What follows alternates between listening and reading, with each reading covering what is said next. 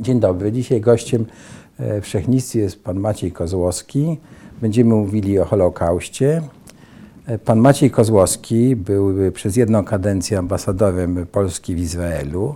Przez 12 lat był pełnomocnikiem ministra spraw zagranicznych e, do spraw e, polsko-żydowskich.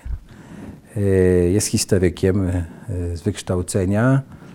Zajmował się sprawami II wojny światowej w swojej pracy doktorskiej i w swoich badaniach historycznych, a obecnie jest wykładowcą prywatnej uczelni, bardzo znanej, Collegium Civitas, której też miałem okazję studiować. e, I w Collegium Civitas pan Maciej Kozłowski prowadzi szereg wykładów na temat e, Holokaustu. Dzień dobry panie doktorze, czy panie dobry. ambasadorze. Dzień dobry państwu. Tak, będę mówił i e, dzisiaj będziemy rozmawiali o Holokauście. Moim zdaniem wiedza o Holokauście w Polsce nie jest e, duża i stąd nasz pomysł, żeby e, troszkę spróbować dostarczyć e, osobom zainteresowanym jeszcze jednego źródła na ten temat i bardzo dziękuję, że Pan zdecydował się przyjść do nas i powiedzieć coś na ten temat. E, Holokaust to jest coś w historii ludzkości, co się chyba nigdy przedtem e, nie wydarzyło na taką skalę, albo w ogóle się nie wydarzyło, ale zanim zaczniemy o tym mówić, to może zaczniemy od podstawowych definicji, bo w kwestiach dotyczących Holokaustu pojawiają się, pojawiają się takie terminy jak antysemityzm, pogrom, Holokaust, Shoah, genocide, czyli ludobójstwo, po polsku zagłada, zagłada Żydów, ludobójstwo. I czy mógłby pan doktor coś nam powiedzieć na temat tych definicji? No więc definicja Holokaustu, taka przyjęta e, przez ONZ, e, jej początek, nie będę całej czytał, brzmi, że Holokaust był systematycznym, biurokratycznym, sponsorowanym przez e, państwo prześladowaniem i morderstwem około 6 milionów Żydów, a także Cyganów, obecnie zwanych Romami i Sinti, y, jeńców y, y, sowieckich, homoseksualistów i w niewielkiej części przedstawicieli narodów słowiańskich, Polaków, Białorusinów, Ukraińców. Taka jest definicja Holokaustu. Samo słowo Holokaust zostało stworzone przez jednego z ocalałych, Elie Wiesela, ono y, y, jest zaczerpnięte z greki, to mm, w, w języku greckim Holokaust oznacza całopalenie, ofiara całopalna. I to i pierwszy użył tego określenia Elie Wiesel i to określenie się przyjęło i tak ono jest w tej chwili używane, w, powiedziałbym, w biurokracji międzynarodowej. Mamy Światowy Dzień Holokaustu 27 stycznia, e, mamy międzynarodową e, organizację zajmującą się upamiętnianiem e, e, Holokaustu, tak zwaną? IRHA i tak dalej, i tak dalej. E, Słowo Shoah to jest słowo, to jest słowo hebrajskie, oznaczające zagładę i to, to jest używane w Izraelu, a w Polsce ja wolę używać słowa zagłada, które jest słowem polskim i które może nawet lepiej niż takie dość sztuczne określenie Holokaust oddaje istotę tej strasznej mm, zbrodni, jaką była zagłada praktycznie całej ludności żydowskiej zam- zamieszkującej te tereny Europy, które znalazły się w zasięgu hitlerowskich Niemiec. Mówię w zasięgu, bo to nie tylko w krajach okupowanych, ale również w krajach, które były stowarzyszone z Niemcami, czy mm, w jakiś sposób mm, z Niemcami pozostawały w kontaktach, powiedziałbym, podległości, gdzie bardzo często y, mm, zagłady dokonywały, dokonywały miejscowe władze. Y, No i oczywiście w samych Niemczech i w Austrii, które nie były okupowane, bo to były kraje, które tą wojnę prowadziły. Tak, to wrócimy za chwilkę do tego, jak było w poszczególnych krajach. Natomiast yy, padło tutaj nazwisko, imię i nazwisko Elie Wiesel. Czy mógłbym prosić, e, żeby nasi widzowie nie, nie, nie mieli pytań, kto to taki? Czy mógłby, czy mógłby Pan powiedzieć coś? To był pisarz, mhm. noblista. On otrzymał Nagrodę Nobla, Żyd węgierskiego pochodzenia, który był w Oświęcimiu, przeżył i stał się taką główną, jak gdyby, postacią, która mm, dopominała się o upamiętnienie ofiar i o jak gdyby przejęcie Y, tego, co y, Holokaust może nam dzisiaj powiedzieć, jako przesłania dla ludzkości. Mówię bardzo górnolotnym mhm. językiem, ale, ale z tym się zmagamy, tą, panie. On był tą osobą, która stała się w pewnym sensie takim symbolem z uwagi na swoją y, sławę jako pisarz, z uwagi na ogromne zaangażowanie w, nazwijmy to, uczeniu lekcji Holokaustu. Mhm. Czyli to jest to, z czym się właściwie do tej pory zmagamy, bo e, nauka o Holokauście jest, nie jest rzeczą prostą ani powszechną, tak mi się przynajmniej wydaje. Wracając e, do naszej rozmowy, chciałbym Pana zapytać o korzenie Holokaustu. Jak e, w ogóle do tego doszło? Co się takiego stało, że e, ja wiele o tym myślałem, no, prowadząc te, te, zajęcia i próbując jakoś syntetyzować dla studentów to, y, odpowiedź na to właśnie pytanie. Y, y, uważam, że są cztery podstawowe źródła Holokaustu, dwa ideologiczne i dwa polityczne. Te źródła ideologiczne to są dwie ideologie, które powstały na początku XIX wieku, rozwijały się przez cały XIX wiek i zostały jak gdyby użyte przez Niemcy hitlerowskie jako nazwijmy to ideologiczne czy filozoficzne uzasadnienie tej zbrodni.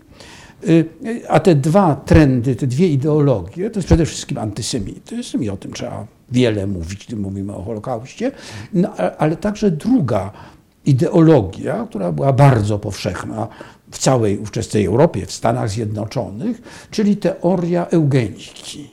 Czyli mm, teoria, że można rodzaj ludzki ulepszyć najpierw poprzez lepszy dobór naturalny, potem przez sterylizację osób niewartościowych, a wreszcie przez zabijanie osób niewartościowych. Mhm.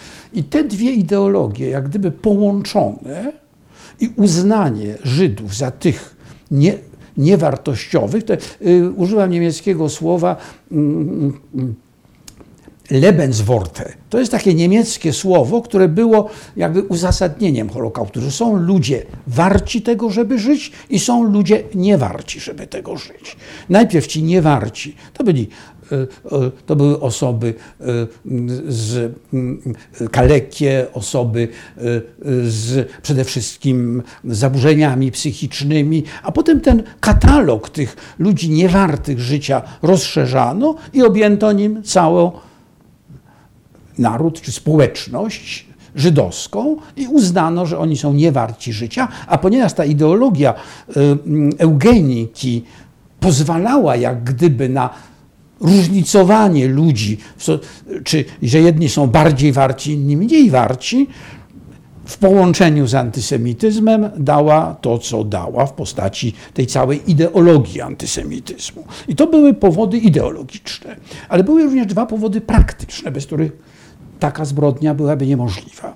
Pierwszym powodem była oczywiście dyktatura e, e, Adolfa Hitlera. To taka rzecz się mogła tylko zdarzyć w państwie absolutnie dyktatorskim, gdzie nie istniało prawo w tym sensie, że wola e, przywódcy była prawem, No zresztą mm, ostatnio było to wielokrotnie przywoływane, te, te, te, właśnie wszystkie teorie jeszcze się wywodzące od Karla Schmidta, prawda, że, mm, że prawo jest wtórne do woli politycznej. Y, y, a, y, a trzecim wreszcie, czwartym, czwartą przyczyną, która pozwoliła na na to, co się stało, była wojna. Znaczy, nie, gdyby nie było wojny, też to byłoby niemożliwe. Wojna zawsze sprawia, że życie ludzkie jest tanie. Że po prostu w momencie, kiedy giną miliony, nikt nie patrzy na śmierć setek czy tysięcy, czy nielicznych milionów. W II wojnie światowej zginęło 60 milionów ludzi. 6 milionów Żydów było tylko jednym, jedną częścią tego Holokaustu, jeżeli że użyjemy tego słowa, czyli tej straszliwej e, rzezi, która się dokonała na terenie nie tylko Europy, bo, bo, całego świata. Bo przecież wojna światowa trwała właściwie na wszystkich kontynentach i we wszystkich zakątkach, zakątkach świata. I te cztery czynniki połączone razem umożliwiły to, co się stało. Nie wspomniał pan doktor o e, rasizmie. Czy tutaj no, y, y, jest, rozumiem, wpleciony w to. Oczywiście, tak. oczywiście. No tutaj musimy przywołać e, słynnego Artura de Gobineau, hrabiego, e, który w połowie XIX wieku napisał tą słynną później broszurę e, pod tytułem Sur inégalité de race humaine. To, to była Biblia rasistów, czyli o nierówności ras ludzkich. Czyli to nie była nie, nie, nie, nie był myślicie. Rok. Nie był myśliciel, myśliciel. ale nie był myśliciel niemiecki, tylko nie, nie, nie, francuski, francuski. Zresztą, e, jeżeli byśmy prześledzili całą historię mm, e, rasizmu, to korzeni trzeba e, szukać w oświeceniu, czyli w tej skądinąd szlachetnej teorii, prawda, że tak, że, że ludzkość jest częścią świata przyrody, gdzie oczywiście istnieją różne gatunki, różne rasy. No i potem e, e, Gobino, ale także wielu innych powiedziało, że te rasy są jak gdyby usystematyzowane hierarchicznie, że są rasy lepsze i gorsze. No i na tym opierała się cała historia XIX wieku, kolonializm. To była przecież ideologia kolonializmu, prawda, że my, biała rasa, mamy naturalne od Boga dane prawo, żeby cywilizować rasy gorsze, czyli rasę czarną, rasę żółtą.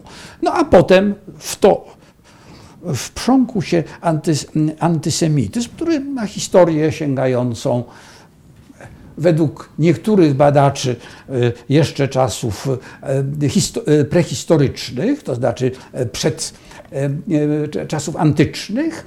Ja uważam, że raczej mm, o prawdziwym antysemityzmie możemy mówić od wypraw krzyżowych, czyli mniej więcej od XI wieku, Aha. kiedy Kościół jak gdyby zajął bardzo jednoznaczne stanowisko w kwestii prześladowania Żydów i te, to, te, prześladowania zaczęły się w Anglii, y, zaczęły się y, oskarżenia o mord rytualny, o bezczeszczenie hostii i tak dalej, i tak dalej. Długa historia. Tak. I w, na początku XIX wieku znów te oświeceniowe, y, te oświeceniowe idee zmieniły ten antysemityzm o charakterze religijnym, wyznaniowym, który istniał przez cały okres właśnie od średniowiecza do, do rewolucji francuskiej, w antysemityzm rasistowski, czyli antysemityzm oparty na przynależności do rasy. Wtedy powstały te słynne właśnie teorie o krwi, że jest krew taka, że jest krew taka krew nie, nie była wszędzie, wszędzie taka sama, to się właśnie łączy z tymi teoriami e, generalnie rasistowskimi. I co jest bardzo zabawne, że twórcą określenia aryjskości e, był niemiecki językoznawca, w ogóle językoznawcy tu grali wielką rolę, e, von Schlegel, który napisał takie wielkie dzieło mm, o mądrości Indii. On się zajmował sanskrytem. I on wymyślił, czy znaczy odkrył, że istnieje duża zbieżność między językiem sta, starożytnym hinduskim, sanskrytem, a y, hindi, a y, językami europejskimi. Stąd powstało pojęcie języków indoeuropejskich. To, jest, to jest odkrycie Schlegela.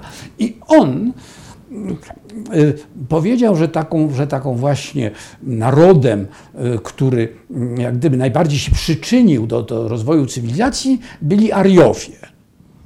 I stąd, I stąd, ta i stąd rasa aryjska.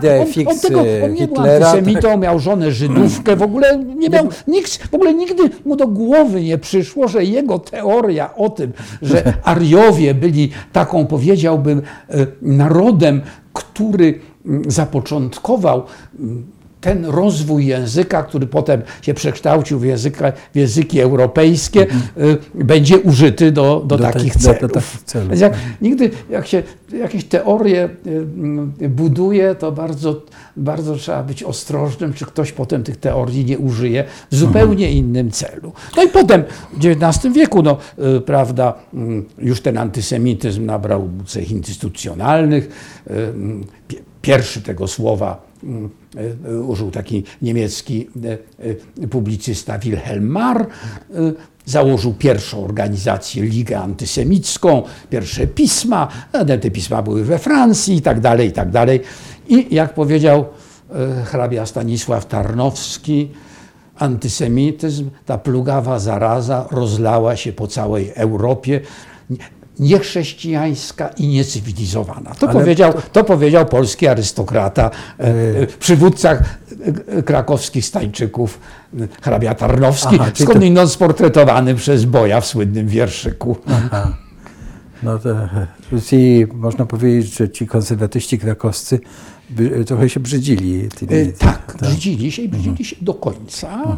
Czas nigdy nie miał ani jednego tekstu antysemickiego, zwalczał antysemityzm przez cały okres do 1939 roku. Czy można powiedzieć, że szkoła e, historyczna krakowska też? Też, też, też to była. z Krakowscy, krakowscy konser, konserwatyści byli, nie byli antysemitami. A ci Antysemitami- historycy, którzy byli poza szkołą, e, No, antysemityzm w ogóle, jeżeli chodzi o Kraków i w ogóle Galicję, to tam antysemityzmu nie było. W tym, w, ty, w tym znaczeniu, znaczeniu, jak w Królestwie. Ja napisałem taką mm, książeczkę o historii Krakowi, która była klubem założonym przez Żydów, Tak, bardzo wielu wiem, Żydów. Żydów e, e, e, grało. I wtedy w Krakowie, przed I wojną światową, połowa uczniów szkół średnich to byli Żydzi, połowa słuchaczy Uniwersytetu Jagiellońskiego to byli Żydzi i nie było żadnej, jak gdyby, nie było, nie było żadnego antagonizmu. Dopiero to się Natanson, Żyd mógł być rektorem uniwersytetu, prawda? Także nie było. Dopiero to wraz z, e, rozwojem narodowej demokracji w okresie dwu- e, dwudziestolecia ta plugawa zaraza dotarła również, również do Krakowa. Do hrabia Tarnowski tego na szczęście e, nie dożył, ale miało to jednak nieco inny charakter, bo na przykład w Krakowie do końca dowódcą garnizonu był generał żydowskiego pochodzenia. do końca, znaczy do Do 30, końca, do 30 do 39 roku. roku. No, e, tak, ale e, o- drugiej, o, o polskiej perspektywie to może jeszcze powiemy troszkę, bo ona jest nie, ciekawa i interesująca i bardzo jest e, m, e, różna, no bo przecież e, mówiliśmy tutaj o okresie, gdzie Polska jako państwo nie istniała, prawda? Były e, Tak, no ale, no ale Galicja Tak, tak. miała swój rząd krajowy. No miała, tak, no była ogromna autonomia, miała, ale, Autonomia. ale w Królestwie było inaczej. w Królestwie tak? było inaczej, w Królestwie był e, antysemityzm bardzo tak, zjadliwy. Tak, i, no i to w ogóle jest szeroki temat i Też wart, też, też wart, wykładu. Tak, e, ale może byśmy wrócili do e, Holokaustu, tego wydarzenia zagłady 6 milionów Żydów. I chciałem powiedzieć o tym, jak zaczęło się dziać to. Tak? Od, od czego się to zaczęło? Kiedy był początek holo, Holokaustu? No więc Czy właśnie, jest, y- tutaj są dwie szkoły. w całej, jest w tej chwili przecież No bo rozumiem, biblioteki, mamy sytuację taką. biblioteki prawda? książek Tak. o Holokauście. Mamy sytuację, toczy się wojna, tak? Jest, Jeszcze jest przed wojną musimy jeszcze- zacząć No od, właśnie, to, od ustaw norymberskich, Yy, od, tak. od nocy kryształowej tak, i tak ale dalej, to już tak sam, ale to jeszcze, i- ale to jeszcze, czy, Nie, już, nie, czy to, już, to już był Holokaust, czy Właśnie, więc istnieją dwie teorie wśród badaczy Holokaustu. E, Uczenie nazwani, jedni się nazywają tylko instytucjonalistami, a drudzy funkcjonalistami. Nieważne. W każdym razie jest część badaczy, która uważa, głównie opierając się na tekstach samego Hitlera, na Mein Kampf, ale także na tekstach, e, powiedzmy, jego różnych współpracowników jeszcze lat dwudziestych, że Holokaust był jak gdyby w DNA e, NSDAP, czyli e, partii e, nazistowskiej, że to była że antysemityzm i zagłada Żydów była jak gdyby wymyślona już w momencie, jak ten ruch powstał, i że potem kolejne etapy to były etapy, które w sposób nieuchronny prowadziły do morderstwa. Najpierw to było właśnie pozbawienie Żydów praw. No, mógłbym tu długo opowiadać, jak to, jak to wyglądało po kolei. Przepięknie przypomniał to Marian Turski y, w, w, wypowiedzi na 75. rocznicę y, y, wyzwolenia Oświęcimia, kiedy najpierw Żydom nie pozwalano siadać na ławkach i tak dalej, i tak dalej. Y, I to jest jedna szkoła, która mówi, że to wszystko było jak gdyby już wymyślone i tylko wprowadzane stopniowo w życie. Od właśnie y, Stref- prześladowań, zakazanych. Przez, po, y, po, y, y, y, y, po usuwanie z pracy, y, po zmuszanie do emigracji, po grabież majątku, po wreszcie fizyczną, y, fizyczne ataki, mówię tu o nocy kryształowej, kiedy kilkuset Żydów zostało zabitych.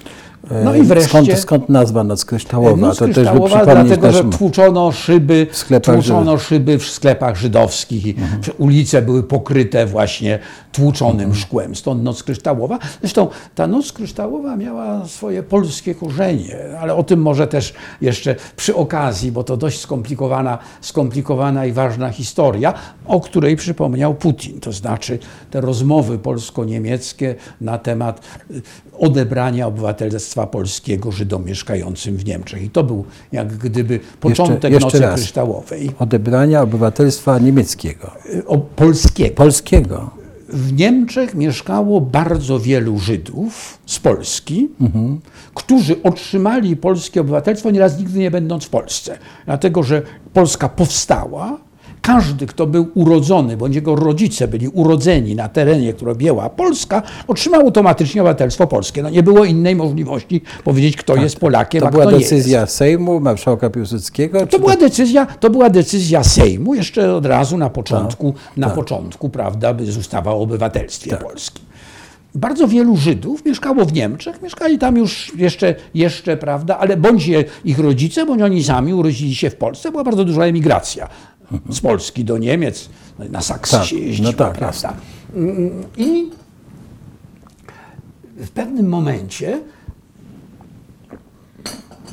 polskie władze zorientowały się, że Niemcy, którzy coraz nie, mocniej naciskają Żydów na emigrację, bo na początku nie mordowano Żydów, tylko pozbawiano środków do życia i zmuszano do emigracji. W momencie, jak wyszły, jak wyszły zarządzenia o praktycznie uniemożliwieniu pracy zawodowej i prowadzeniu biznesu w Niemczech, władze polskie się zorientowały, że ci ludzie będą musieli, zmuszeni przyjechać do Polski. Ponieważ obawiali się tego. Mówimy o jakim względu- okresie mniej więcej? Mówię o 1938 roku. 38. 1938 roku. Rozpoczęły się polsko-niemieckie rozmowy na ten temat i Polska w kwietniu 1938 roku wprowadziła zarządzenie, że wszyscy obywatele polscy mieszkający na stałe za granicą muszą zgłosić się do polskich konsulatów i podstemplować swoje polskie paszporty. I tylko wtedy potwierdzić swoje obywatelstwo. I była instrukcji, ale nie tajna, bo ona była y, przedstawiona przez Drymera na y, naradzie polskich konsulów, że tych obywateli Drymer- nie należy. To, kto, był, kto to był? Drymer y, y, był wtedy dyrektorem Departamentu Konsularnego i, miał- on praktycznie w jego ręku była, w jego ręku była kwestia stosunków polsko-żydowskich. On był No, ale oczywiście pełnomocnikiem ministra do spraw polskich tak, stosunków tak polsko-żydowskich. Tak. Nazwijmy to tak. tak. Mm, I, mm, y, to, z- I to rozporządzenie y, miało wejść w życie y, ostatniego dnia y, października 38.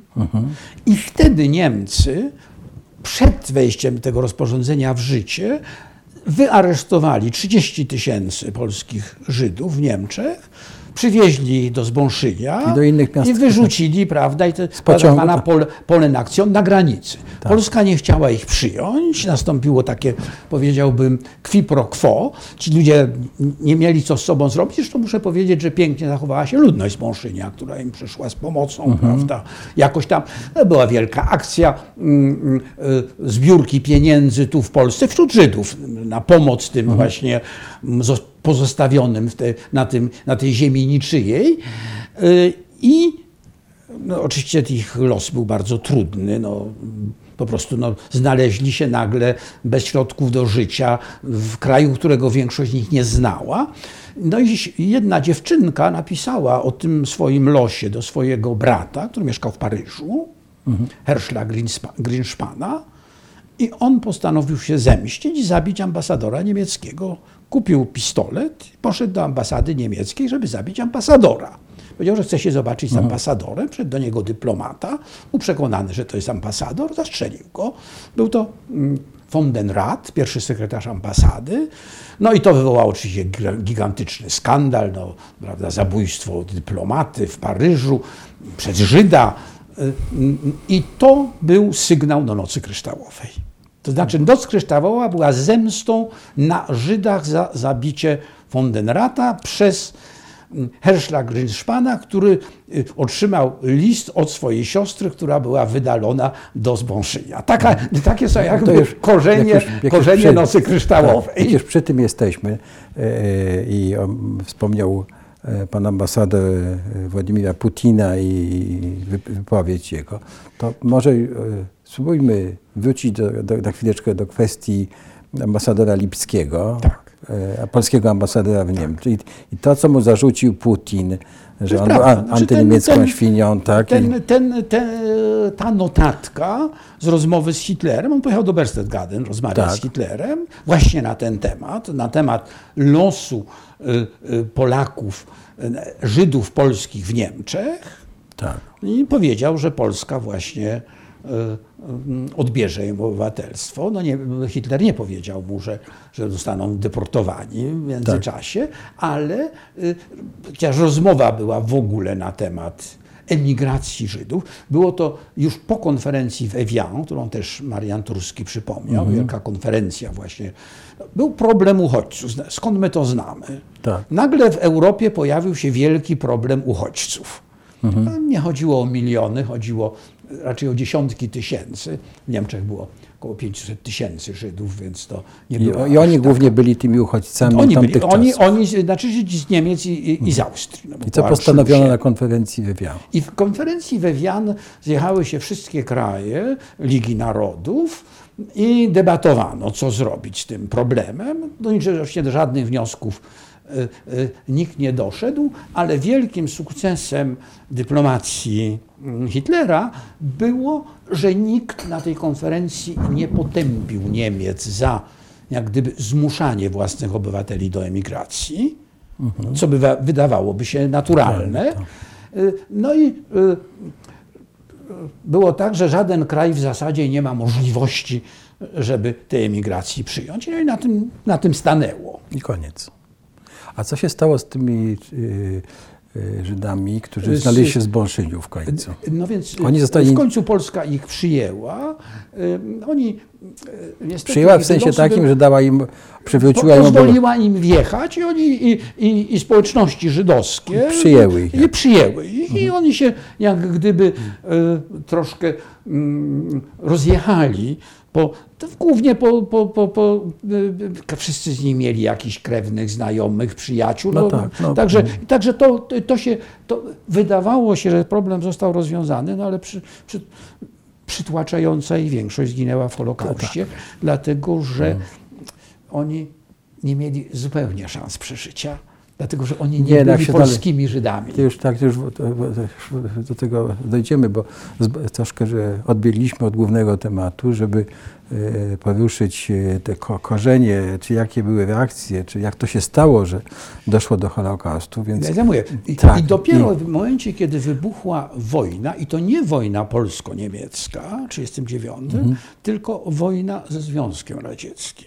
I Holokaust zaczął się w sensie systematycznego, sponsorowanego przez państwo zabijania Żydów od momentu wkroczenia armii niemieckiej na teren y, y, na tereny zajęte przez Związek Radziecki. No najpierw wkroczono na te tereny, y, które kiedyś należały do Polski, na Litwę, Łotwę, mm, Estonię. I y, y, ale nie było jeszcze Ukrainę. o, Oświęcimia i Nie, nie. Oświę- konferencja, Oświęcim, nie było Oświęcim jeszcze już- konferencji nie, nie. w czy Oświęcim już był, tylko Oświęcim został Rozumiem. założony Tak, tak. obóz Ja koncentracyjny Brzezińcu. dla polskich więźniów politycznych. Tak.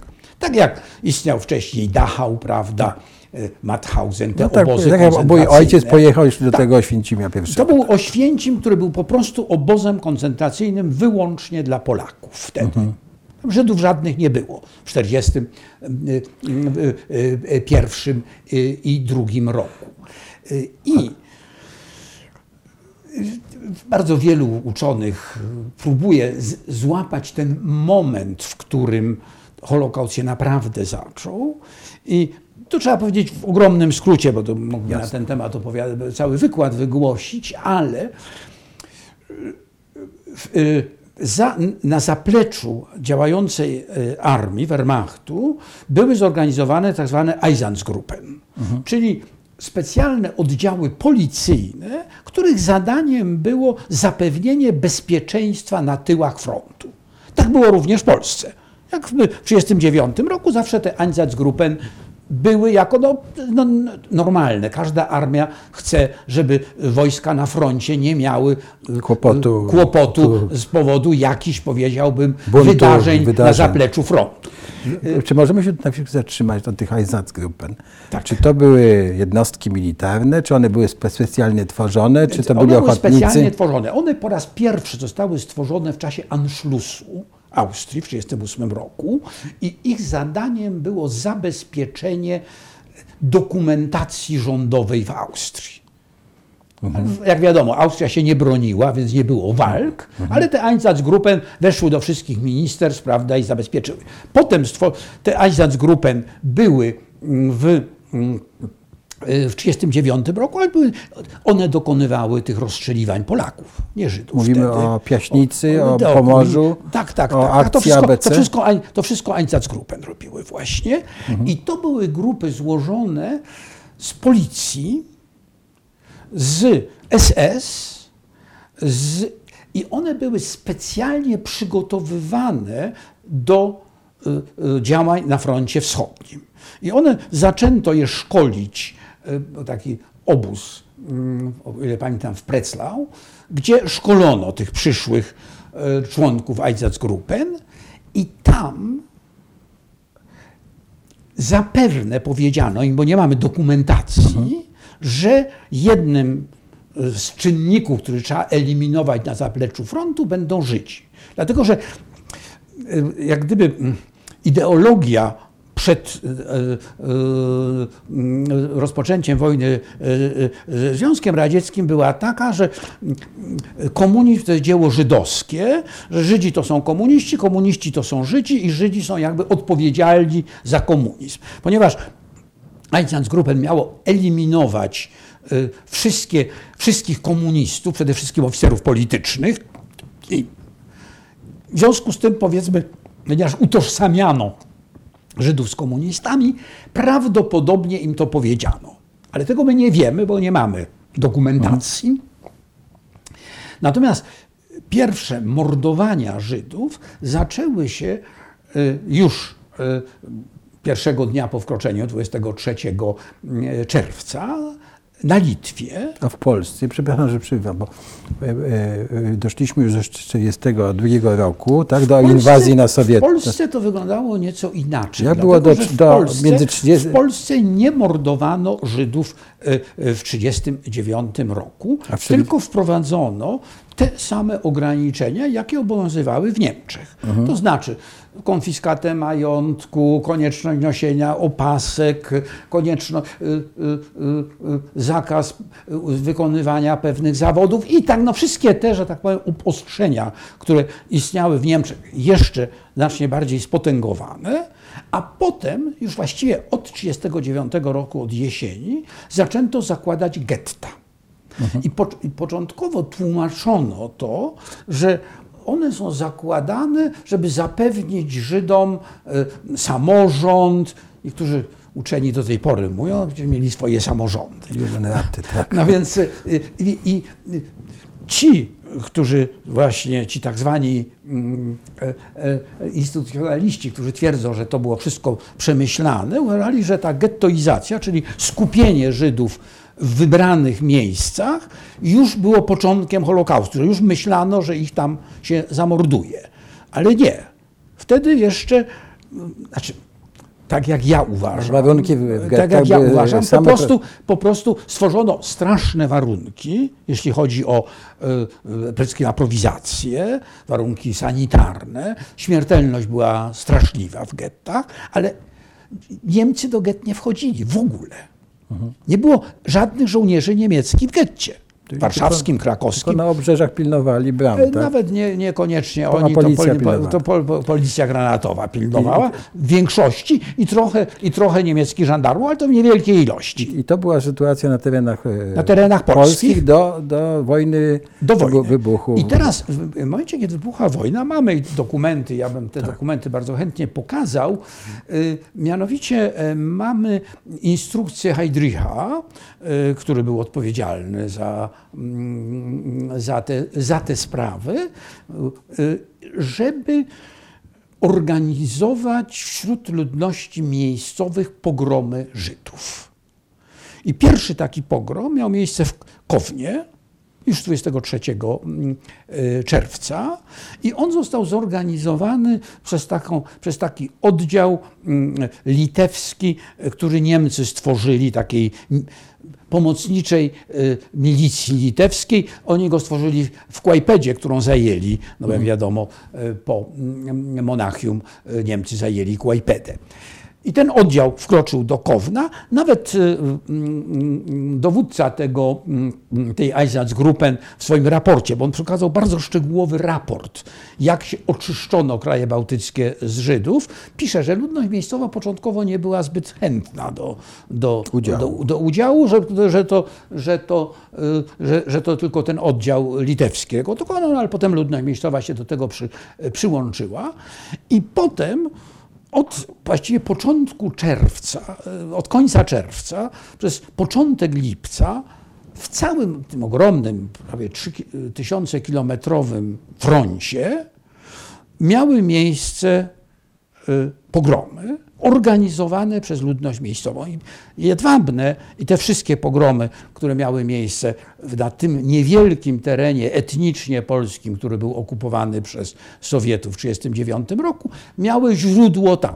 One były dokonane przez Polaków, ale na wyraźną, jak gdyby zachętę, czy nawet instytucjonalne, powiedziałbym, mm, y, próbę zinicjowania go przez Niemców. Tam nie było Niemców fizycznie, ale ci Polacy wiedzieli, że Niemcy tego oczekują, ci, którzy dokonali tego pogromu. Taki straszliwy pogrom miał miejsce w Lwowie.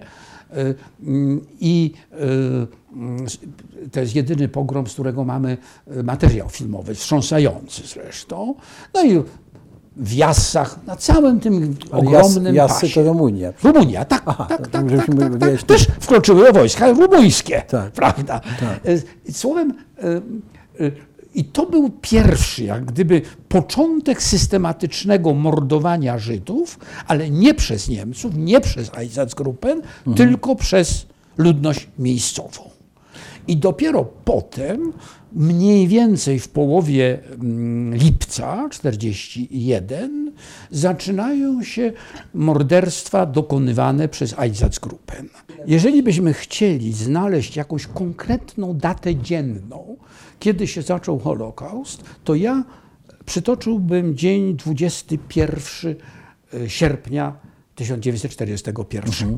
W miasteczku Biała Cerkiew dokona Einsatzgruppen Dzisiejsza B, Ukraina, czy Dzisiejsza Białoruś. Y, y, y, dokonała egzekucji dorosłych mieszkańców miastecz, żydowskich miasteczka Biała Cerkiew. Wtedy się już działy, wtedy już po prostu dokonywano egzekucji Żydów. czy możemy te egzekucje e, przez Einsatzgruppen nazwać początkiem Tak, zagłady? Tak, to jest początek zagłady. Bo, bo pogromy te polskie, to, no, to inspirowane przez, Przez Niemców. Niemców, w zasadzie no, były pogromy, tak? To możemy powiedzieć, na że pogromy, gdzie, to gdzie ludzie ginęli. no, ginęli, tak? Ale to jeszcze nie była ta To systematyczna nie była systematyczna. To zagłada. tutaj zaczęło, zaczęto od mniej więcej początku sierpnia systematyczne mordowanie Żydów. Y, y, Przy czym mordowano dorosłych Żydów. I w Białej Cerkwi okazało się, że w miejscowym kościele zamknięto kilkaset żydowskich dzieci. I co z nimi zrobić? I co z nimi zrobić? I zaczęła się dyskusja, co z nimi zrobić, i mm, był to jedyny przypadek, kiedy Niemiec, Helmut Grossrud, pastor, kapelan oddziału Wehrmachtu, sprzeciwił się zabiciu tych dzieci. I wysłał do mm, mm, marszałka polowego Waltera von Reichenau petycję, żeby oszczędzić te dzieci, a on nakazał zabicie tych dzieci. I ja uważam, że to jest początek Holokaustu, bo wtedy zaczęto zabijać po prostu za samo bycie Żydem. Bo wcześniej można było powiedzieć, no zabijamy dorosłych, no bo to komuniści, no to wiadomo, oni będą tutaj y, jakąś partyzantkę przeciwko nam organizować. No, znaczy, miało to jeszcze jakieś uzasadnienie, pseudo uzasadnienie, ale racjonalne. Zabijanie kilkuletnich czy kilkumiesięcznych dzieci nie miał żadnego racjonalnego uzasadnienia. I to jest początek Holokaustu. Znaczy, że każdy, kto się urodził Żydem, jest skazany na śmierć. I wtedy te, i wtedy te masowe morderstwa, właśnie dzieci, rozpoczęły się na wielką skalę z wielką e, to, e, masakrą w, w, Biały, w, Babim Jarze, e, pod Kijowem i tak dalej, i tak dalej. I teraz, nie, bo to muszę powiedzieć bardzo ważną historię. Skąd się wzięły obozy śmierci? Otóż Heinrich Himmler przyjechał do Mińska i widział masakrę Żydów na własne oczy. To było we wrześniu. I podobno nie wytrzymał tego, zwymiotował I powiedział nie w ten sposób. nie w, I powiedział nie w ten sposób, dokładnie. Powiedział nie w ten sposób, dlatego że to osłabia morale. I to jest prawda, że ci uczestnicy tego, no, zabijanie niewinnych ludzi nie jest rzeczą łatwą dla nikogo. No, no, poza wyjątkowymi, prawda, psychopatami. I oczywiście były listy ludzi piszących. To wszystko bardzo źle oddziaływało na morale armii niemieckiej, która uważała się za rycerską i tak dalej. I tak wtedy nakazał, i to jest prawdopodobnie początek października, mówimy o datach dziennych Holokaustu, Globocnikowi, który był mm, szefem SS i policji w dystrykcie lubelskim, generalnej guberni, zbudowanie obozu śmierci. I pierwszy obóz, który zaczął budować, to był y, Bełżec i Sobibór. I Globocnik dostał polecenie budowania tych obozów śmierci. I dlaczego mówiłem bardzo dużo o tej eutanazji? Otóż on sprowadził speców od eutanazji. Tych, którzy prowadzili ten program eutanazji w Niemczech, czyli tych mordowania tych niepełnosprawnych umysłowo, jako specjalistów od zabijania. Oni tam już zabijali ich gazem. I Wirt, który był szefem całego tego programu eutanazji w Niemczech został pierwszym komendantem obozu w Sobiborze. I Także tu jest, tu jest ten, ta, to połączenie mm, y, ideologii Eugeniki. eutana- eugeniki Tak. z, Znaczy, y, Jung z, z, holo, z Holokaustem. Ale teraz dlaczego jeszcze Panie, jedno... panie doktorze, ale po, podsumujmy sobie tak chronologicznie, tak? Y, my Mamy 39 rok wojny w Polsce. W Polsce mamy y, y, W generalnej guberni około 2,5 Wiele- miliona tak, ale jeszcze nie, jeszcze nie ma wojny ze Związkiem Tak. Radzieckim. Ma- są- e, eliminuje się inteligencję polską, którą, bo e, naród polski ma być tym narodem niewolników i nie jest przeznaczony do Sonderaktion Kraków i tak, tak, dalej. akcja ABC, czy, tak, i profesorowie i tak dalej, tak. To jest jedna rzecz. Tak, jeśli chodzi o Żydów, y, buduje się, y, Odseparować ich. pozbawia się ich, y, przestaje istnieć kodeks cywilny, pozbawia się własności, odseparować, buduje się getta. Tak. Tak, to jest ten. y, Tak. Wybucha, Buduje albo, bo, bo, bo, Albo tworzy- często to się tworzy getta. Tworzy, tak, nie, nie, po prostu, jasne. po prostu się tak, obszary tak, miasta, Bo tak. nie, bardzo wiele get nie było zamkniętych. tak.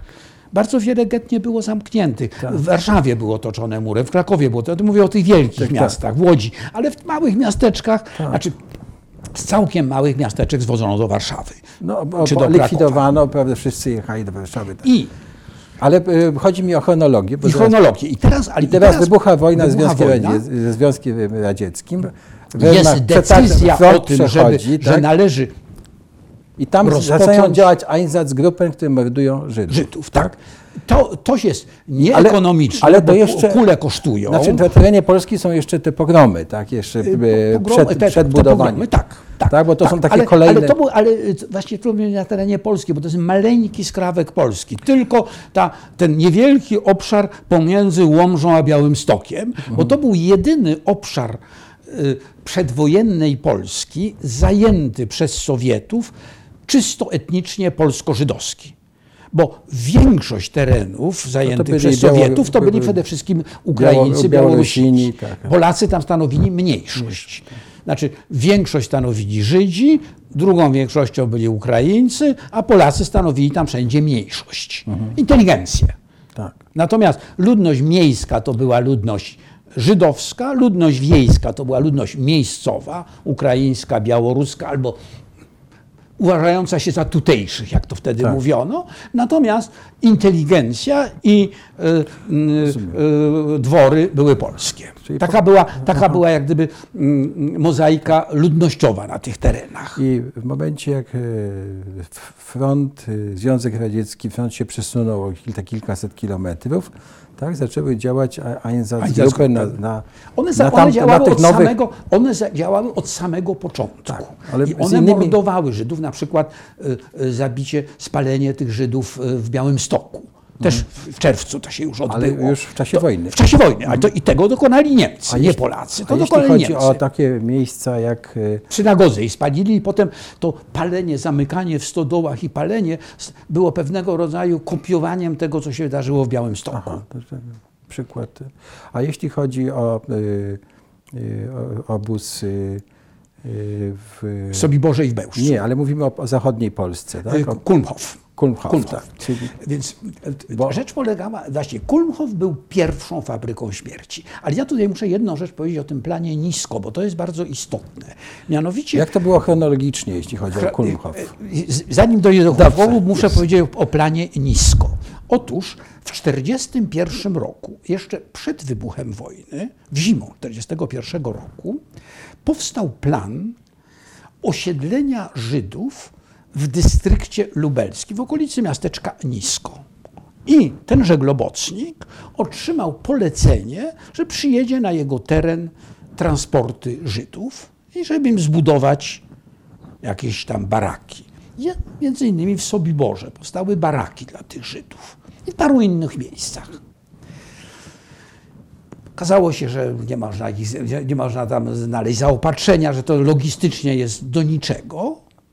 I ci ludzie to byli głównie Żydzi z Czech, z Moraw, ze Śląska i, nie, i bardzo niewielka liczba z Austrii i z Niemiec. I oni zostali zwolnieni. i część z nich wróciła. I stąd Niemcy mogli potem przez całą wojnę opowiadać o tym, że jadą transporty na wschód, bo byli świadkowie, którzy wiedzieli, że są miejsca, gdzie osiedlają Żydów na wschodzie, byli tam, widzieli to, zostali zwolnieni. Tak. I, sto, I stąd ta legenda, która pozwoliła tak wielu ludziom uwierzyć w to, wzięła się z tego właśnie projektu Nisko. I Globocnik dostał po prostu polecenie, żeby projekt Nis, Nisko zamienić w fabryki śmierci. I to jest, i tutaj mówię o chronologii, dlatego że on dostał to polecenie w październiku 1941 roku.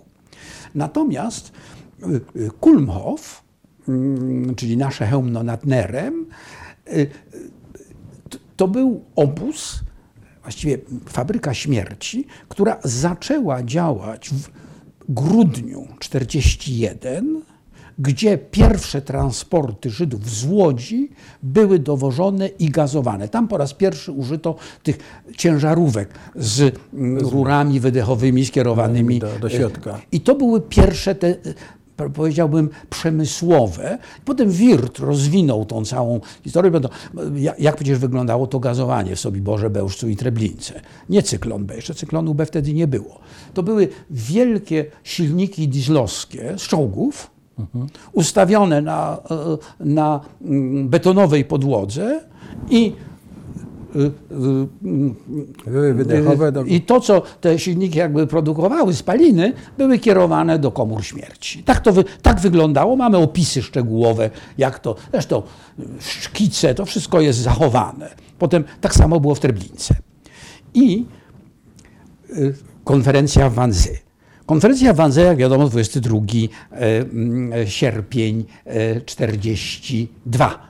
A liści, i to jest ważne, ona się miała odbyć 10 grudnia. I było już, zaproszenia wyszły na 10 grudnia 41 i się nie odbyła z oczywistej przyczyny. 9 grudnia wybucha atak na Pearl Harbor.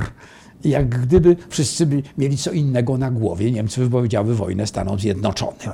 I w związku z tym konferencja dopiero została przełożona na Ale to, styczeń. bo jeśli mówimy o konferencji w Wannsee, to mówimy, że to jest e, konferencja, na której zapadła, e, zorganizowana przez władze nazistowskie, niemieckie, e, na którym zapadła decyzja o czymś, co się nazywa ostateczne rozwiązanie albo Endlosung, czy się nie mylę? Znaczy ona nie, zapadła, nie zapadła decyzja. Decyzja No. zapadła wcześniej. Decyzja zapadła kiedy, moim zdaniem ona zapadła jak, jak, jak, jak, e, e, zabito- jak, z- jak, jak, jak, jak Himmler zobaczył w Mińsku, że trzeba inne e, metody znaleźć. Moim zdaniem ta Czyli decyzja... nie ma takiej e, e, jasnej daty, że podjęto decyzję, że od tej chwili to się nazywa Endlosung, że Nie, miękki. nie. Tak, nawet Ten, te- to, to pojęcie endlosung już funkcjonowało. Już funkcjonowało. Bo, bo cała ta konferencja, mamy, mamy przecież e, szczegółowy zapis. e, film, zapis tak, tak, tak. e, z tej konferencji. Wiemy, co było powiedziane.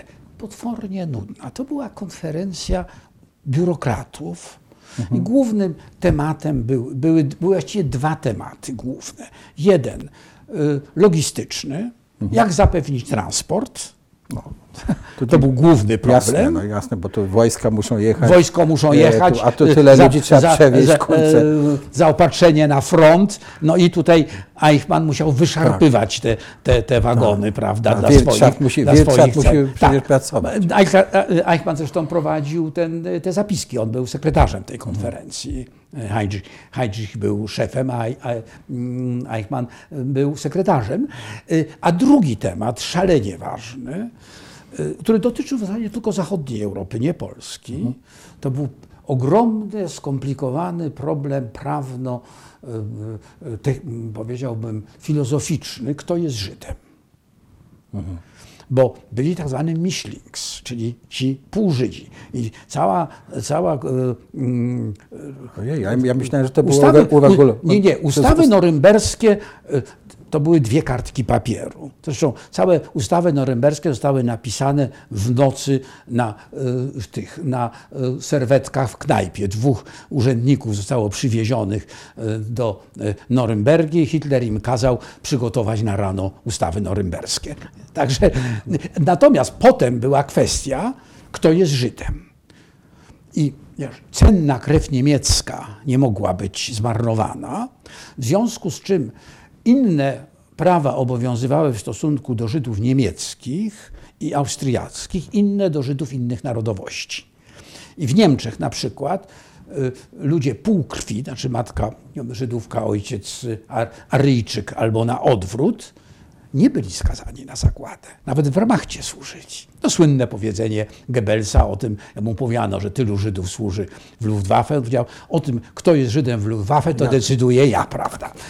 Y, Natomiast na terenach słowiańskich, krew słowiańska, no to jest też, prawda, krew podludzi, nawet dziadek żydowski był Wskazywał na- wystarczającą, wystarczającym wskazywał powodem, żeby dany człowiek został stracony. Tak, no I właśnie, tam pan- bardzo długo w konferencji tego właśnie, kogo, kogo można e, zabijać, a kogo nie można. To, było, to, to, jest, to był główny temat, także termin Endlosung już był, już funkcjonował w tym czasie i w tym czasie już ta machina śmierci trwała, właśnie w Kulmhofie już to się kręciło, a y, y, już Wirt był mm, w mm, y, Bełżcu, przygotowywał, już wylewano tam te, prawda, beton, żeby te Komory y, stawić budowy, te, baraki, te komory. maszyny i tak dalej. Także to wszystko już, to wszystko już trwało. Tutaj nasuwa się takie pytanie, dlaczego ta zagłada zdarzyła się tu, na tych terenach? Z, z kilku powodów. Pierwszy powód. Czyli mówimy o był- terenach, e, e, Pierwszy powód, że od- akurat generalna gubernia była największym skupiskiem Żydów na terenach podbitych przez, czy, Czyli był- czyli czy był za- kontrolowanych przez Niemców. czyli były zasoby do, Tak. do fabryk śmierci. Tu było 2,5 miliona Żydów. Biorąc pod uwagę wszystkich. Żydów wysiedlonych z y, terenów wcielonych do Rzeszy, biorąc pod uwagę Żydów, których potem przecież w Sobiborze ginęli również Żydzi z terenów, y, które wcześniej były zajęte przez Związek Sowiecki, z okolic Lwowa i tak dalej.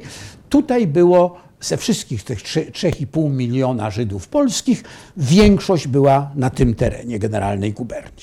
A poza tym Generalna Gubernia była jedynym terytorium w całej Europie, gdzie Niemcy mieli absolutnie swobodną, e, e, swobodę działania bez żadnych ograniczeń, dlatego że to nie było państwo. Czyli żadne Nie, prawa, nie obowiązywały żadne prawa. Nie, nie obowiązywały żadne prawa w tym sensie, że każda decyzja gubernatora Franka, czy jeżeli chodzi o dystrykt lubelski Globocnika, była prawem, prawda? Nikt nie mógł zaprotestować, nikt nie mógł się, że, nie wiem, że ziemia mu jest odbierana na przykład, czy coś takiego. Nie, Nie było, takie, nie takich, było procedur odwoławczych. nie, tak było, po nie, prostu- było, nie, było, nie było po prostu y, żadnej, żadnej, y, żadnych ograniczeń. Ale trzecia sprawa również to jest ten projekt nisko. Ponieważ tutaj zaplanowano przesiedlenie Żydów w czasach, kiedy jeszcze ich mordowanie nie było e, e, e, zadecydowane, tak. w związku z czym jak gdyby tak płynnie prze, przesz, Niemcy przeszli od przesiedlenia Żydów na wschód do mordowania Żydów.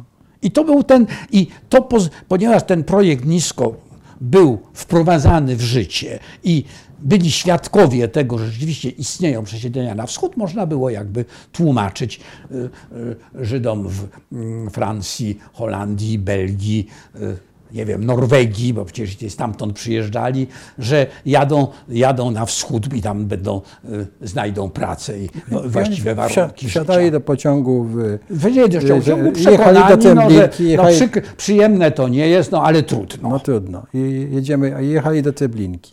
Jechali, znaczy nie, Ale- jechali, jechali najpierw do Sobiboru, Do Sobiboru. do Treblinki nie, stosunkowo niewiele, bo Treblinka to była przede Żydów wszystkim, nie. Treblinka była troszkę później e, zbudowana. E, Tenże mm, jeden z tych e, mm, speców od mm, eugeniki, potem był dowódcą obozu w Treblince E, i Treblinka w zasadzie zaczęła funkcjonować jako miejsce kaźni Żydów warszawskich, bo to było największe skupisko Żydów w świecie wtedy. W, w pewnym momencie w getcie było ponad 400 tysięcy Żydów zgromadzonych, dlatego że dowożono do getta warszawskiego Żydów z całej okolicy y, y, Warszawy, z bardzo wielu również miejsc, również spoza granic Polski. Po prostu przywożono ich zresztą bardzo wielu Żydów, którzy z Bąszyniu się znaleźli, potem znaleźli się w getcie warszawskim. Także to było największe skupisko Żydów i tu chodziło, i Treblinka była zbudowana po to, żeby zgładzić tę ogromną liczbę, w tym momencie już 300 tysięcy, no bo y, Treblinka- śmiertelność w getcie była zgładzono około 900-800 Tak, tysięcy. no bo tak? potem przywożono z, również z małych get w, całej, No, w całym, tak. w całym, na całym Mazowszu. No tak, bo to było... No, w te, ten Treblinka. pomnik piękny w Treblince to są te kamienie mówiące o tych. Nawet tam zg- zgładzono Żydów z Macedonii. Tak. Dlatego, Panie że. doktorze, e, e, muszę powiedzieć, że ja tam kiedyś jechałem wieczorem e, koło tego Sobiboru, koło tych la, lasów, lasku jeszcze takiego i to po prostu robiło na mnie niesamowite wrażenie jazda koło tego, tego nie wiem. No, ale to trzeba mieć jakoś, nie wszyscy może mają te refleksje. Chciałem zapytać o to, jeżeli mówimy o Treblince, przecież to były ukrywane przez Niemców. Te, Znaczy, tak, były- czy, czy to było tajne, czy Wszystko, jak, wszystko było tajne. to jak się wszystko dowiedzieliśmy było, o wszystko tym? Czy jak tajne. świat się dowiedział? Wszystko Bo już w było- 1943 roku właściwie było wiadomo, że to jest, że te, No, te świat się dowiedział idą. z raportu karskiego, świat się dowiedział z tego słynnego e, e, telegramu mm, mm, Riglera.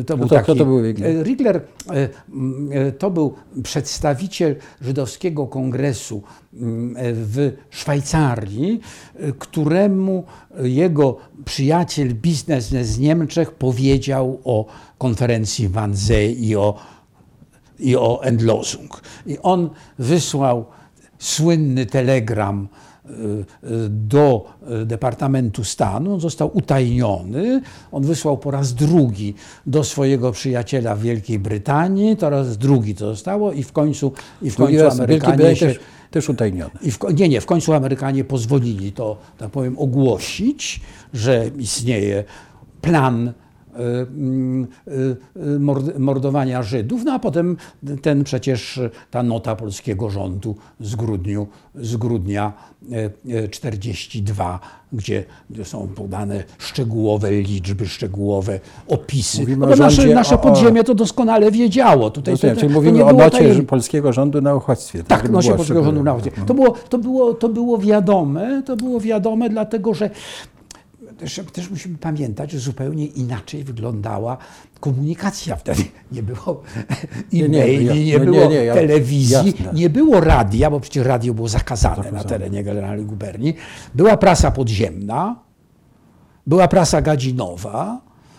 No, no Niemcy nie opisywali w prasie pewno i prawda, co się dzieje. Natomiast w prasie podziemnej to było pisane. No, no, w, w tym słynnym apelu Kosak Szczuckiej, to jest przecież lipiec 42 w czasie akcji wysiedleńczej, tej Grosse Aktion w Warszawie, już bardzo dokładnie opisane ze szczegółami, jak wyglądało, jak wyglądało da- zagłada Żydów warszawskich, a i nie tylko warszawskich, bo przecież zaczęło się przed Warszawą. Czyli jest tak, że rządy zachodnie mają wiedzę. Już w 1942 roku można powiedzieć, że wiedzą Tak. o tym, co się dzieje. W tak? końcu 42. W końcu 1942 roku. Czyli i wiedzą, że to jest y, masowe, że t- masowe wiedzą, że- że to jest zagłada, tak. masowe mordowanie e, w sposób, e, w jaki tu mówiliśmy. I co? I co? I nic. Trwa wojna. Trwa wojna i doktryną najpierw Wielkiej Brytanii, Czyli ani jednego przemówienia a potem, Stanów, że a potem Stanów Zjednoczonych jest nie robimy niczego, co może y, odwrócić uwagę od ostatecznego celu, czyli zwycięstwa. To zresztą Roosevelt powiedział Karskiemu w tej słynnej rozmowie, prawda, wielokrotnie, wielokrotnie przytaczanej. Sprawa zostanie załatwiona, jak wygramy wojnę. Y, I to, jest, I to była świadoma decyzja, mająca na celu jakby, żeby nie rozpraszać się na, jak wówczas uważano, poboczne sprawy, bo przecież była kwestia, no, wiadomo było, że panuje terror w Polsce, panuje terror w Jugosławii, panuje terror w innych krajach. Żeby po prostu y, nie próbować przeciwdziałać y, jakimś sprawom, które się dzieją na okupowanym terenie, tylko skupić się na po prostu walce zbrojnej, bo, bo inaczej, poza tym to jest kwestia oczywiście w tej chwili bardzo szeroko dyskutowana, nie zawsze w dobrej wierze, do jakiego stopnia wszechpotężny antysemityzm w całej Europie przed II wojną światową na to wpłynął. Że rządy państw alianckich nie chciały, żeby to było przedstawiane jako wojna żydowska że walczymy z Hitlerem dlatego, że on prześladuje Żydów. Nie, walczymy z Hitlerem dlatego, że musimy wyzwolić wszystkie narody. Żydzi nie mają żadnej, jak gdyby, specjalnej, um, specjalnego miejsca. Co było z ówczesnej perspektywy do pewnego stopnia zrozumiałe, dlatego że nikt sobie nie zdawał sprawy, do jakiego stopnia ten Einlosung jest konsekwentnie, I brutalnie i skutecznie wprowadzany w życie. Bo było wiadomo, że trwa terror. No bo rozumiem, że raporty to są takie liczby, to się czyta na papierze. No, przy, przychodzą do nas, nie ma filmów. do nas no, dzisiaj telewizja... że, nam, że nas mordują, tak. prawda? Przychodzą do nas Grecy, przychodzą do nas czas... Żydzi, prawda? No, to, to, no a my nie możemy, tak, prawda, z każdym, tak. z każdym, się, e, każdym się zajmować, bo my, mamy, my musimy wygrać wojnę. Chciałem pana zapytać jeszcze o Auschwitz. Yy, Auschwitz, to już mówiłem, został stworzony. Tak, ale jako, tak. jako o miejsce Auschwitz w tym całym procesie, bo mówiliśmy o mordowaniu tak. przez Einsatzgruppen, tak, o tak. innych obozach. Yy, yy, jakim, jeśli chodzi o Brzezinkę, to jakie ona miejsce zajmuje w tym Otóż, otóż Auschwitz jest stworzony jako obóz koncentracyjny, nie obóz zagłady. A to może wyjaśnijmy od razu różnicę. Dla Polaków. Obóz koncentracyjny to, obóz były, zagłady.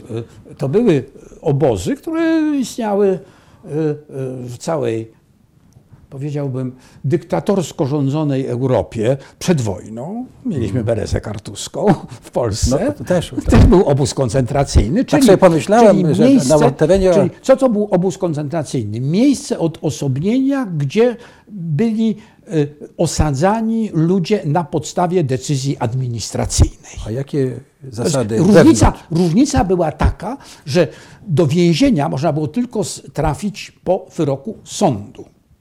Mhm.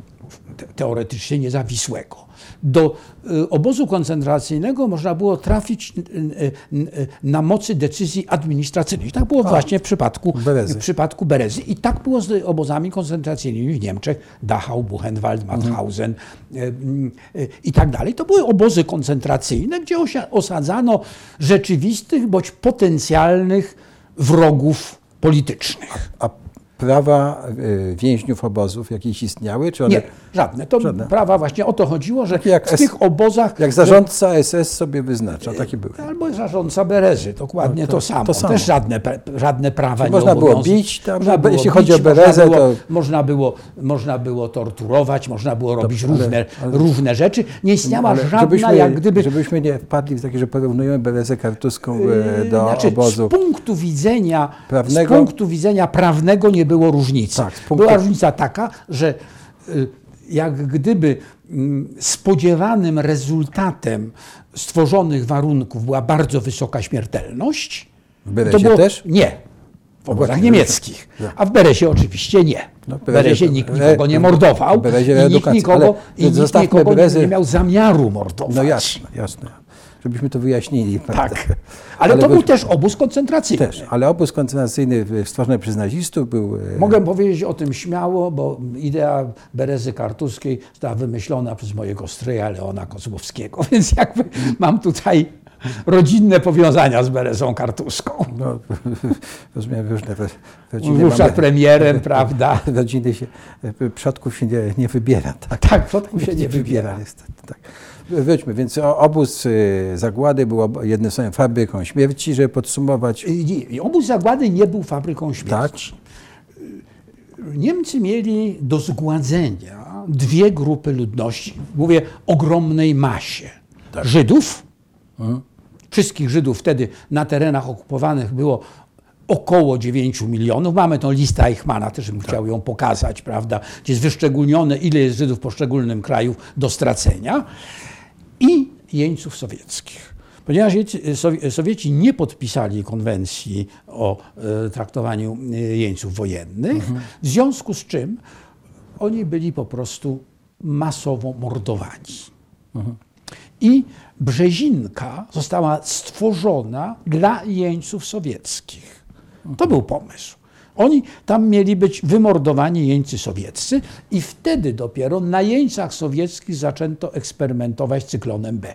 Pierwsi zgładzeni cyklonem B to byli jeńcy sowieccy.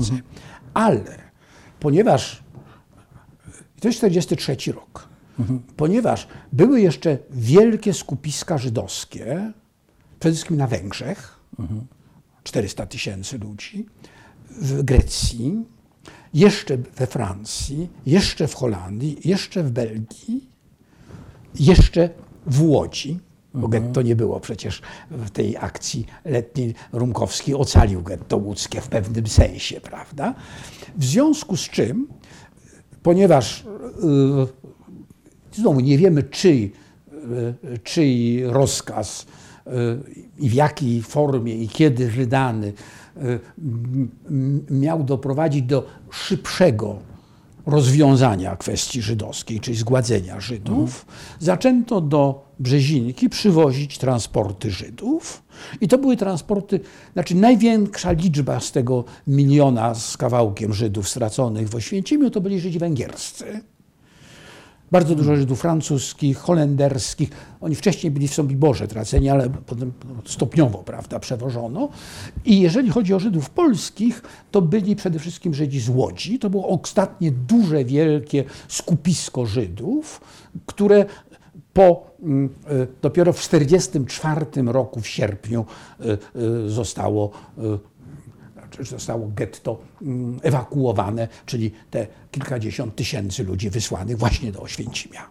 27 stycznia y, Oświęcim został wyzwolony przez armię Czerwoną. czerwoną. Tak. I chciałem tutaj y, zapytać o ten o to mm, akt wyzwolenia, no, czy, czy dojścia Armii Czerwonej do, y, czy do, do obozu i uwolnienia tej resztki Tej, tej resztki więźniów. więźniów. Tak.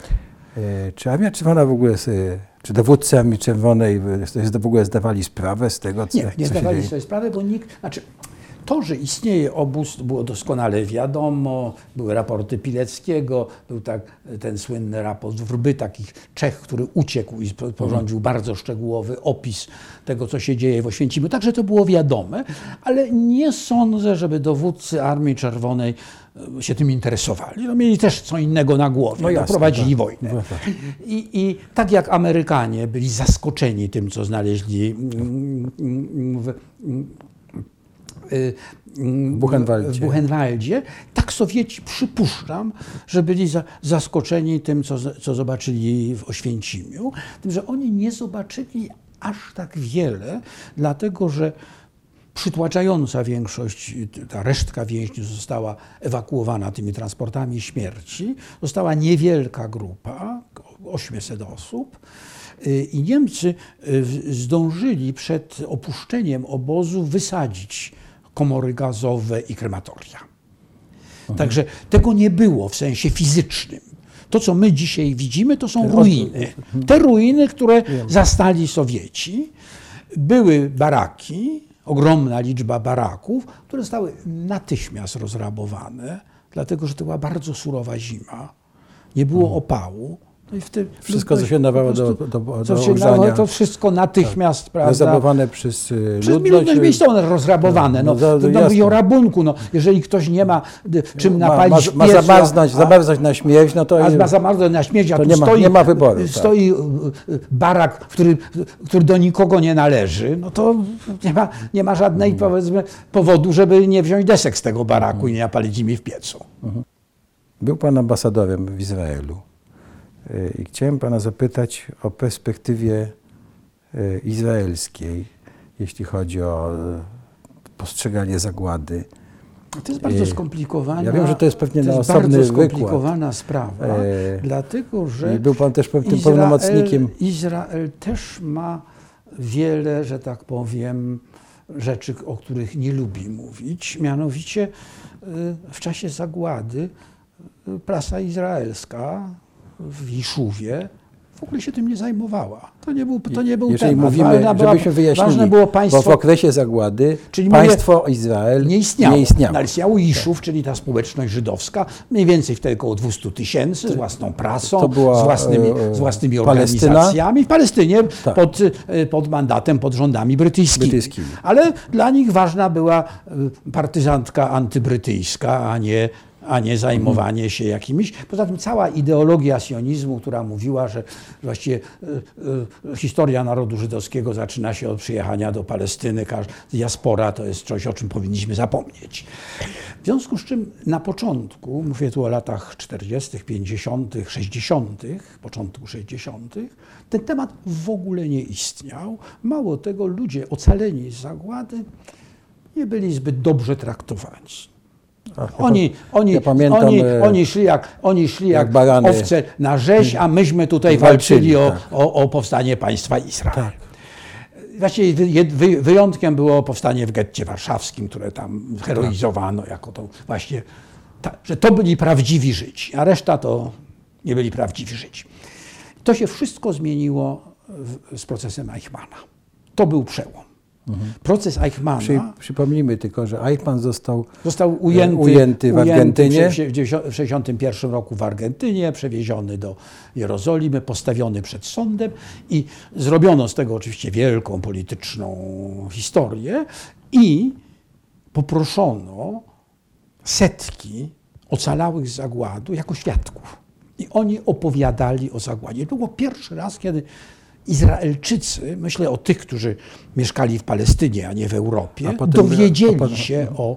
I od tego czasu y, Holokaust stał się pewnego rodzaju świecką religią w Izraelu.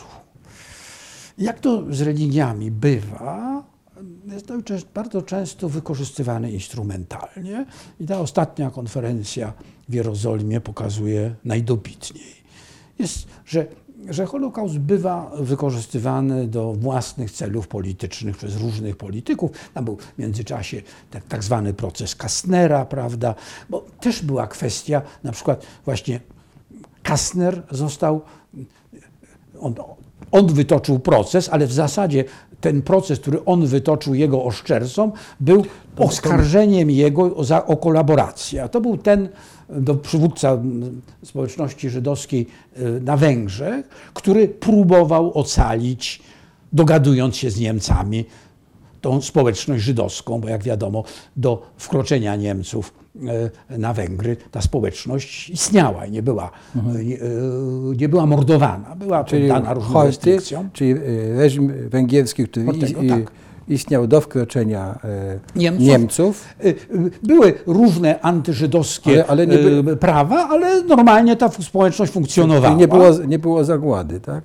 Nawet nie było jakiegoś, powiedziałbym, fizycznego prześladowania. Mhm. Poza tym, że wysyłano tych Żydów jako takie, powiedziałbym, tanią siłę roboczą na front, no bo przecież nie, w, w, No węgierskie Węgrzy, a, byli na froncie wschodnim. Węgrzy tak. walczyli na froncie wschodnim i Żydów wysyłali tam do, do takich, powiedzmy, przymusowej pracy na zapleczu frontu. Rozumiem. I to były straszne Czyli, warunki. czyli tam. y, ten y, przedstawiciel tej y, po wkroczeniu Niemcy I on, próbował i się... on do- zaczął, I on zaczął e, rozmowy z Eichmannem na temat e, uratowania Żydów, tej społeczności żydowskiej, jeszcze wówczas kilkuset tysięcznej. Udało mu się? udało mu się zorganizować jeden transport, który dotarł do Szwajcarii. Mhm. Tysiąca ludzi. przyjęli Szwajcarzy? Szwajcarzy przyjęli. I to był pomysł taki, ja nie będę całej historii opowiadał, bo to by cały Osobny wykład, wykład, cały tak. wykład by to, by to pochłonęło. Dość na tym, że on miał taki pomysł, żeby przehandlować Żydów za ciężarówki. A ich pan powiedział tak, my y, y, y, nie wymordujemy wam Żydów, jeżeli alianci dostarczą nam ciężarówki na front wschodni. No oczywiście dla aliantów było to nie do przyjęcia, no ale rozmowy się toczyły. No i potem ten Kessner, który się znalazł w Izraelu, by- był działaczem politycznym, jego przeciwnicy polityczni oskarżyli go właśnie o kolaborację mówiąc, że, ten, że, ten, że nie powiedział Żydom, nie, nie zorganizował powstania, że nie, nie chwycili za broń, tylko on swoich e, przyjaciół i rodzinę załadował w ten transport, a wszystkich innym pozwolił zginąć. On wytoczył proces i w czasie tego procesu on był oskarżony, znaczy, znaczy sąd i, i, i prokuratura mówiła, prawda, że on, jest, że on jest kolaborantem, no i potem został zamordowany przez jednego fanatyka, zastrzelony. Tak? I to był tak zwany proces Kastnera i zaraz potem był proces Eich- Eichmana. No i w, a w tej chwili, jak powiadam, to jest, to jest taka państwowa religia, która bardzo często jest wykorzystywana do celów politycznych. E, To nie jest naszym celem rozmowy mówienie o ostatniej konferencji, ale, ale to jest sam, temat sam w sobie.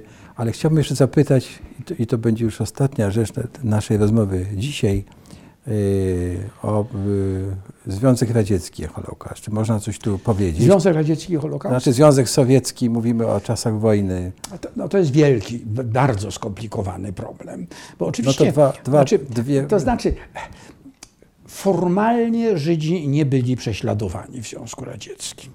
Formalnie. Ale- Ale, przecież ogromna liczba Żydów z terenów zajętych przez Sowietów była zesłana do łagrów, tak jak polska inteligencja. Ale nie byli wysłani jako no, Żydzi, ale- tylko ale- jako polska inteligencja. E, Czy można to powiedzieć, że to była część Holokaustu? Nazizm, No, właśnie, raczej nie. właśnie. No. Czy, te, czy te mniej więcej e, mm, e, 10% Żydów, którzy zginęli w Katyniu, Miednoje, bo zginęło około Tak. nawet więcej niż, znaczy procent Żydów, y, którzy zginęli ogólnie mówiąc w Katyniu, w Katyniu to było 4 tysiące, wszystkich razem Zginęli 20 dlatego, że byli Żydami. Nie, dlatego, że byli Polakami. A, no to... Więc właśnie, więc właśnie czy Tak. to jest Holokaust? No, jeżeli, dobrze, jeżeli Niemcy mordowali Żydów dlatego, że byli Żydami. Y, Sowieci mordowali Żydów dlatego, że byli Polakami.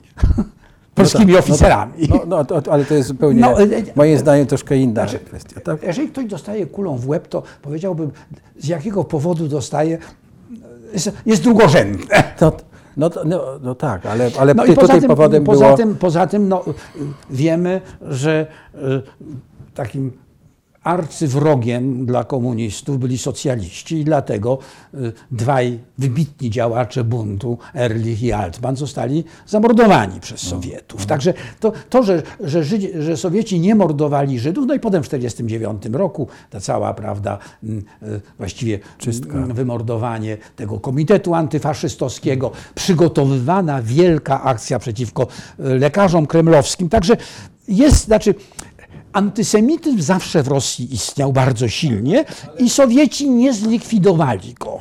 Natomiast w czasie wojny, oczywiście ogromna liczba Żydów służyła w Armii Czerwonej, polskich Żydów, sowieckich Żydów, ukraińskich Żydów. No bardzo, można powiedzieć, kto jest polskim Żydem, kto jest ukraińskim, kto jest sowieckim Żydem.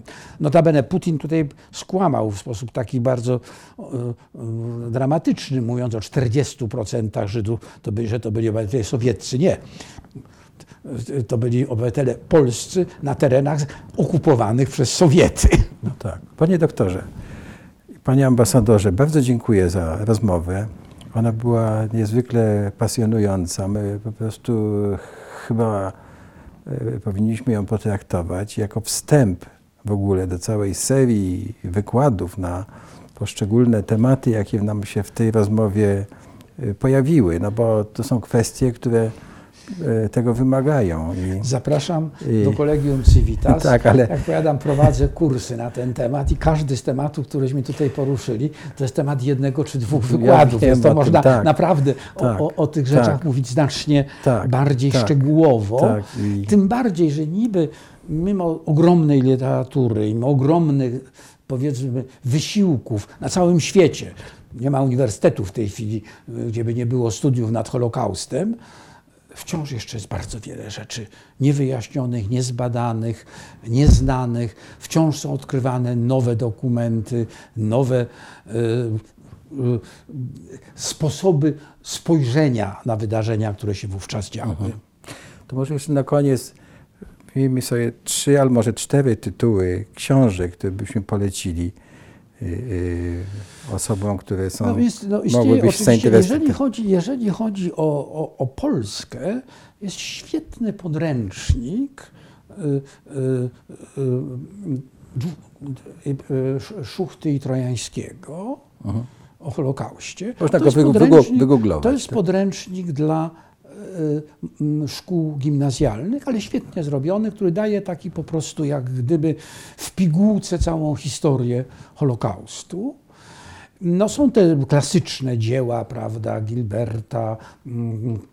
Martin i tak, Gilbert. E, e, One są tłumaczone, Gilbert one tłumaczone są, na one polski. są tłumaczone na polski. No a poza tym no, jest ogromna literatura wspomnieniowa, szczególnie dotycząca na przykład e, getta warszawskiego, getta krakowskiego, getta łódzkiego. Jest, no, literatura po polsku dotycząca Holokaustu to już są setki tysięcy pozycji, jeżeli weźmiemy wszystkie przyczynki, Artykuły. artykuły i tak dalej, i tak dalej. Mamy Centrum Badań nad Zagładą, prawda, w Polskiej Akademii Nauk, które wydaje roczniki badań nad Zagładą. To, jest, to jest w tej chwili naprawdę wielka gałąź historii i w Polsce ona jest, y, znaczy nasi badacze są bardzo wysoko cenieni na całym świecie, nie zawsze w Polsce. Niestety.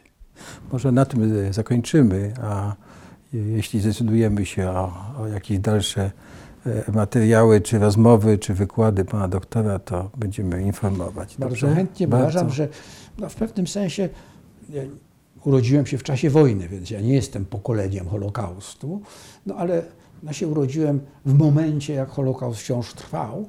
Jakby to, co się wydarzyło, było częścią no, mojej historii osobistej. Uważam, że no, powinnością mojego pokolenia jest jakby przekazywanie wiedzy na ten temat, no, a ponieważ zajmuję się tym zawodowo, no więc bardzo chętnie, bardzo chętnie y, opowiem o tym, co jest szczególnie interesujące i co jest może mniej znane.